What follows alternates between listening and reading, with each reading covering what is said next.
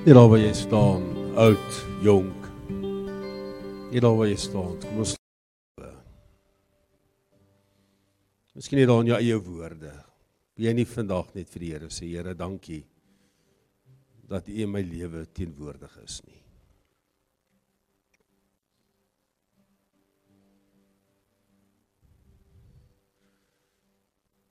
Ek vir die Here vra, Here, maak my hart oop so Salomo gebid het. Here gee my hart ore. Dat ons die stem kan hoor in ons lewens.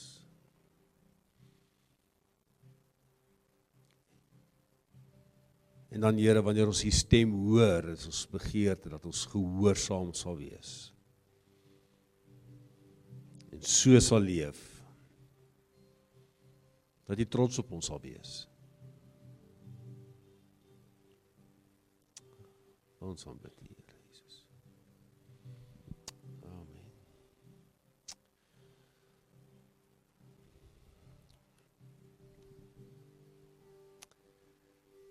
Ja.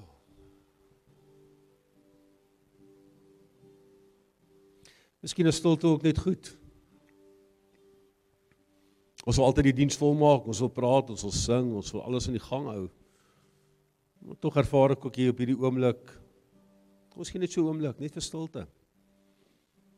Miskien wil die Here iets vanmôre vir jou in jou hart bevestig.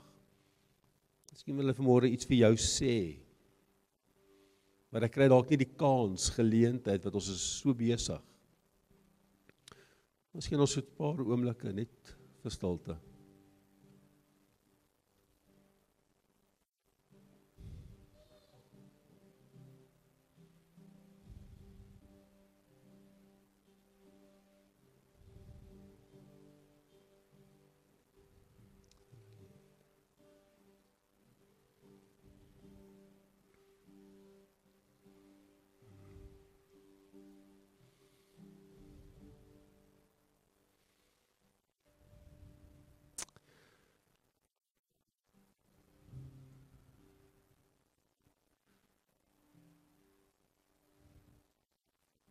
Ons kan dit verklaar, Here, dat U God is.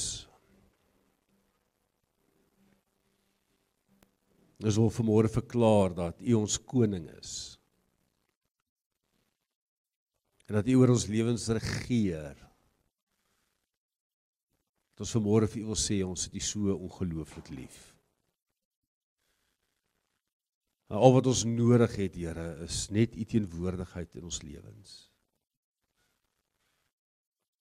Dis Job gesê het, Here, ek het so baie van U gehoor, maar nou het ek U gesien.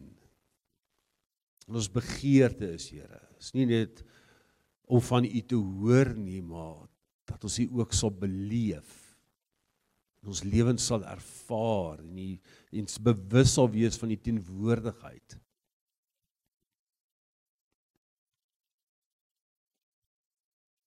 My gebed is net dat U elke persoon net sal seën. Sal omvou met U liefde, U teenwoordigheid. In Jesus naam. Amen. Baie dankie. U kan u sitplekke neem.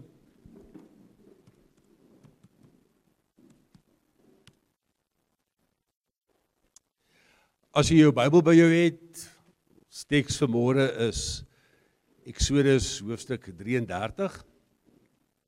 En jy is welkom as jy soontoe wil blaai, andersins kan jy op die bord volg. Vers 7 sê Moses het telkens 'n tent geneem en dit buite die kamp opgeslaan, ver van die kamp af. Hy het dit 'n ontmoetingstent genoem. Elkeen wat die Here wou raadpleeg, moes uitgaan na die ontmoetingstent wat buite die kamp was. En telkens wanneer Moses uitgegaan het na die tent, het die hele volk opgestaan en dan het elkeen sy plek ingeneem by die ingang van sy tent. Hulle het Moses agterna gekyk totdat hy by die tent ingegaan het. Telkens wanneer Moses die tent binne gegaan het, het die wolkkolom afgekom en by die ingang van die tent gaan staan. Dan het die Here met Moses gepraat. Wanneer die hele volk die wolkkolom by die ingang van die tent sien staan, het die hele volk opgestaan en elkeen by die ingang van sy tent in aanbidding gebuig. Die Here het met Moses van aangesig tot aangesig gepraat, soos 'n man met sy vriend praat. Dan het Moses teruggekeer na die kamp, maar sy helper Joshua, seun van Nun, 'n jong man, het nie die tent verlaat nie. Moses het vir die Here gesê: "Kyk, u sê vir my, laat hierdie volk optrek, maar self maak u nie aan my bekend wie u saam met my sal stuur nie.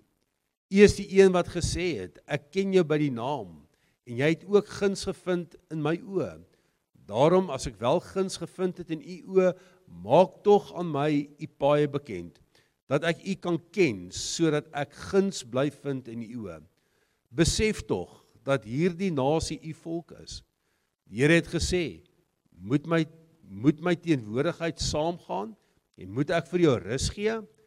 En hy het vir die Here gesê: "As u teenwoordigheid nie saamgaan nie, moet u ons nie van hier af laat optrek nie." Waaraan sou mense dan weet dat ek guns gevind het in die oë, ek en die volk? Is dit nie wanneer u met ons saamgaan dat ons onderskei sal word? Ek en u volk van elke ander volk op die aardbodem nie. Die Here sê toe vir Moses: Ook aan hierdie versoek wat jy uitgespreek het, sal ek voldoen, omdat jy guns gevind het in my oë en ek jou by die naam ken. Moses sê toe: Toon asseblief u heerlikheid aan my. Maar hy het geantwoord: Ek sal my goedheid reg voor jou laat verbygaan en ek self sal die naam die Here uitroep. Ek is genadig oor wie ek genadig wil wees en ek ontferm my oor wie ek my wil ontferm. Hy het verder gesê: Jy kan my nie, jy kan nie my gesig sien nie, want 'n mens kan my nie sien en bly leef nie. Toe sê die Here: Hier is 'n plek by my waar jy kan gereed staan op die rots.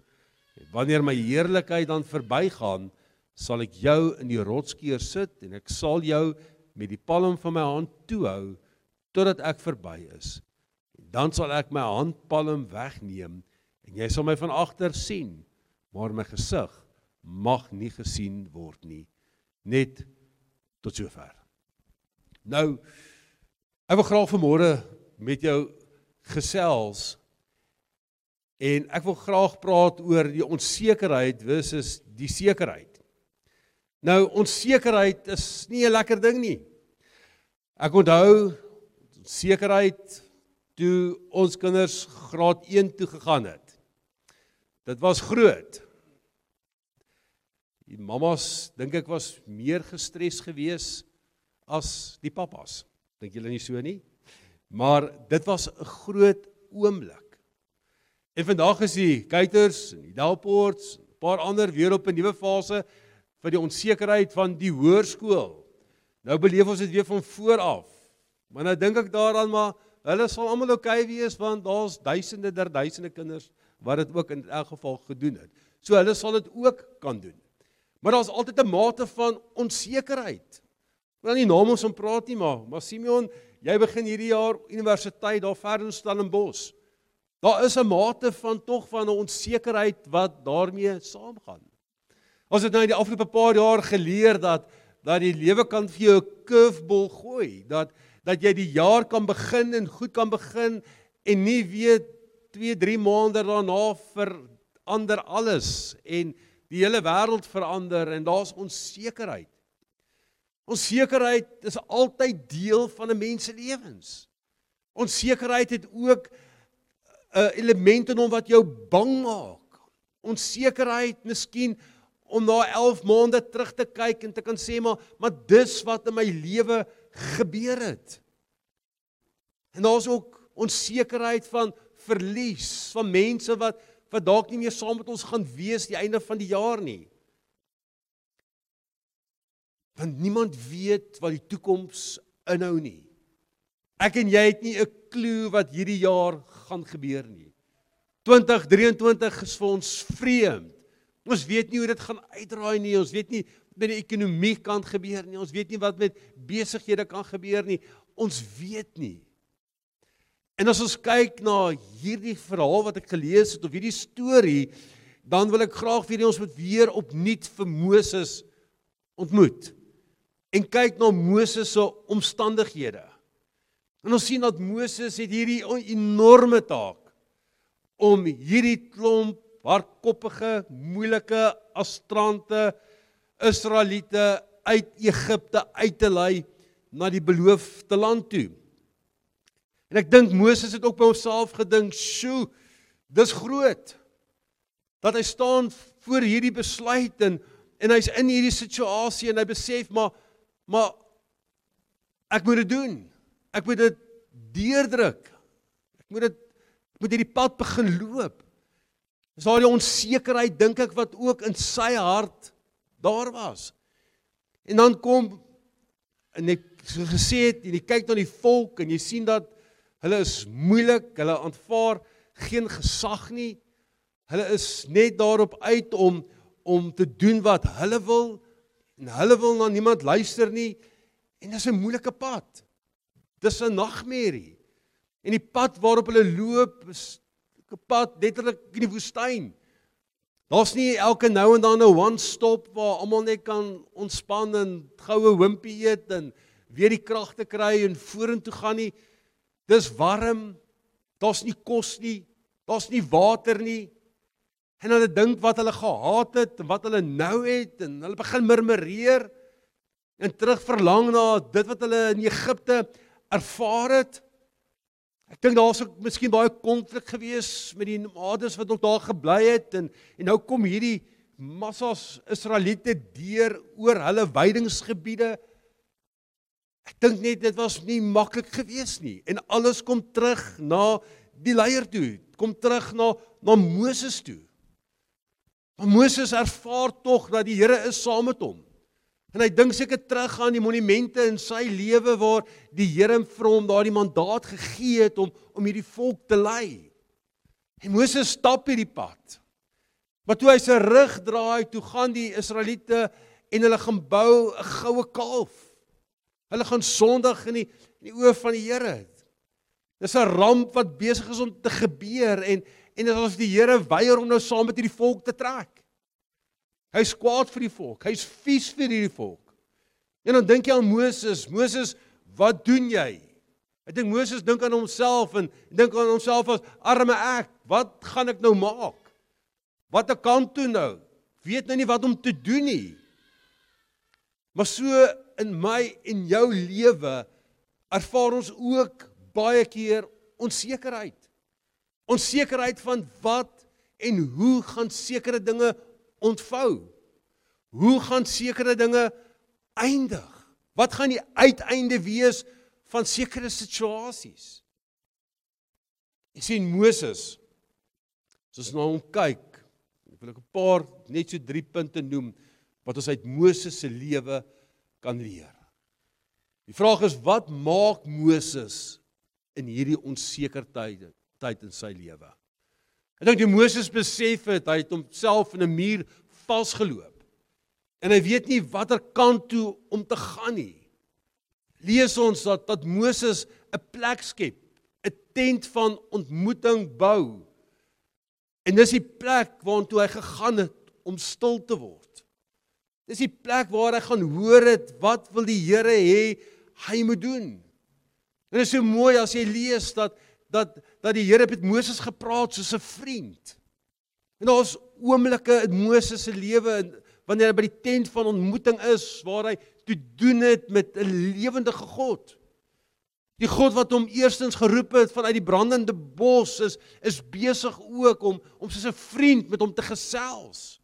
Waar Moses kan hoor wat wat God se hart is, maar ook belangrik waar hy die geleentheid het om sy hart voor die Here skoon te maak. Om sy kaart op die tafel te sit.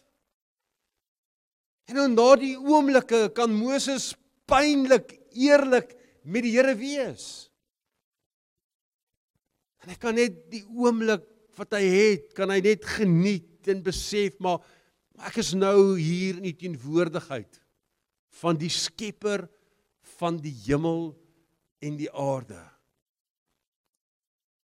Ek so lees en dink vir myself, wow. Wat 'n ongelooflike voorreg het Moses nie gehad nie. Wat 'n ongelooflike voorreg om om by daardie tent van ontmoeting in te gaan en en met die Here te gesels. Toe besef ek maar, maar dit is Moses wat wat hy gedoen het, maar maar ons is soveel meer bevoordeel.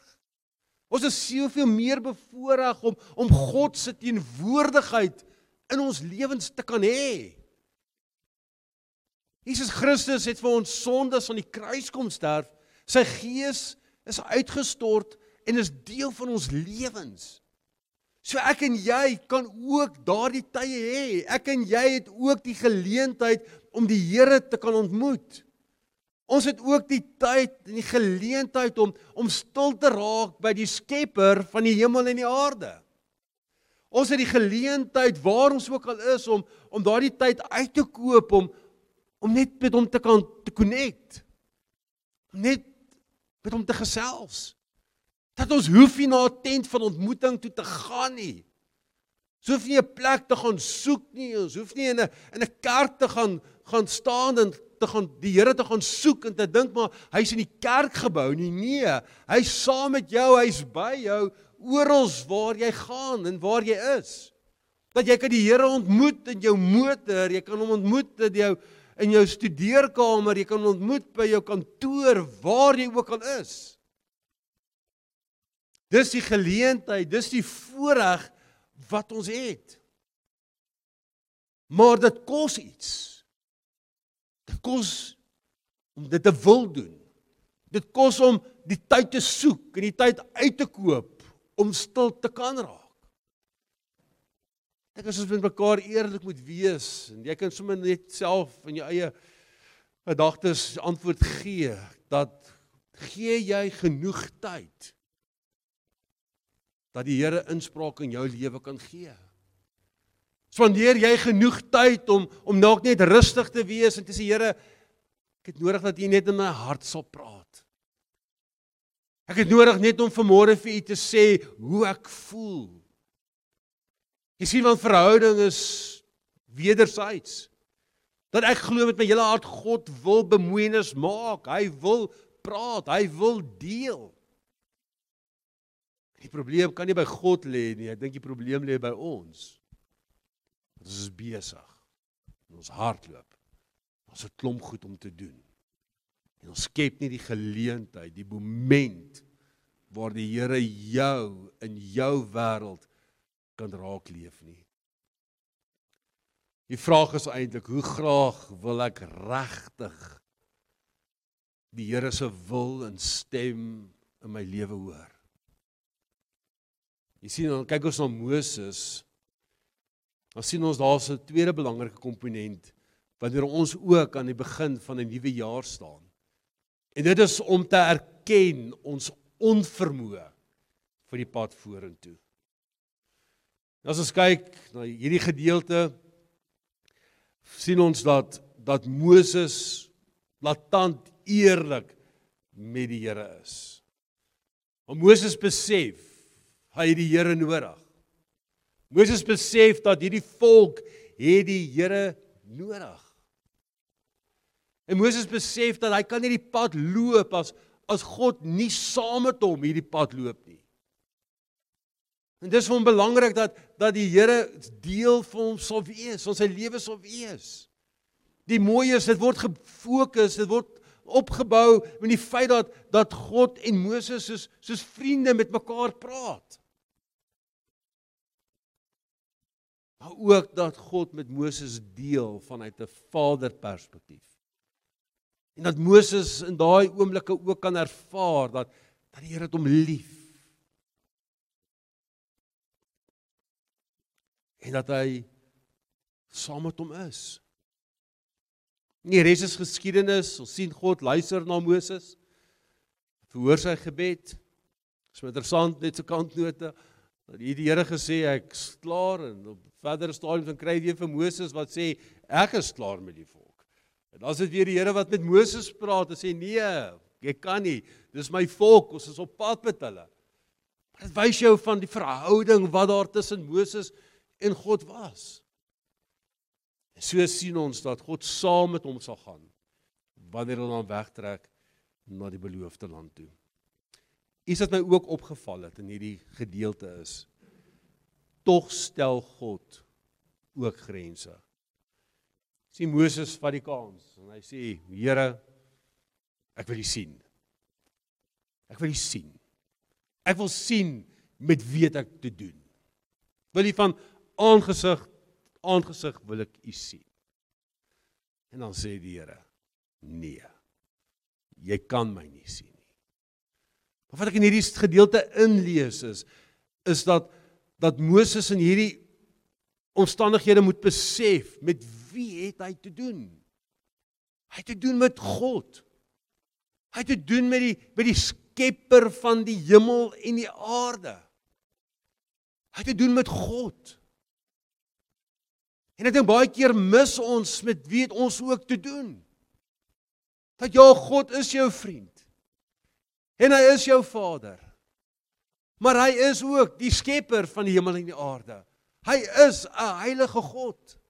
Hy is 'n God wat wat wat wat gerespekteer moet word.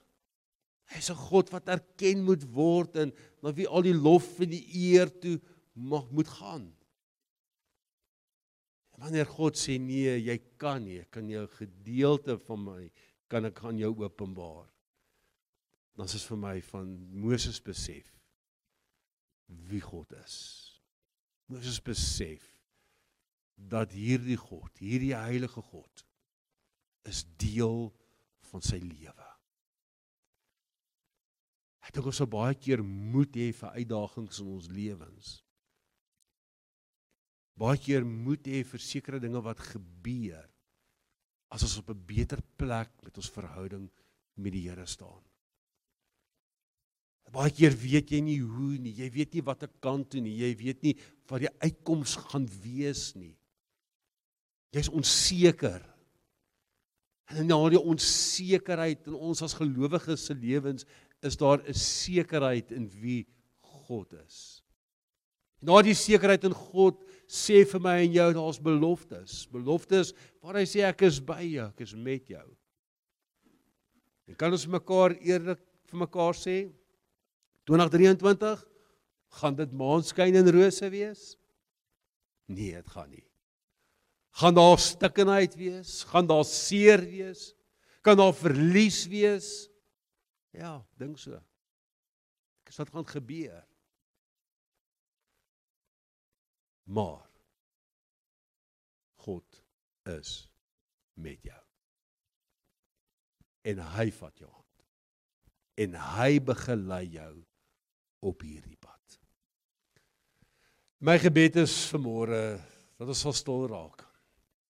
Ons vandag sal besef dat 2023 God sal nie teleurstel nie. God sal ons nie teleurstel nie. Hy sal nie van jou vergeet nie. Maar dit gaan ook iets kos om te sê Here, ek wil tyd maak.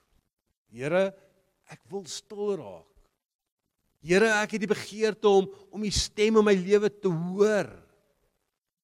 En ek het die begeerte om om die hart bly te maak om gehoorsaam te wees.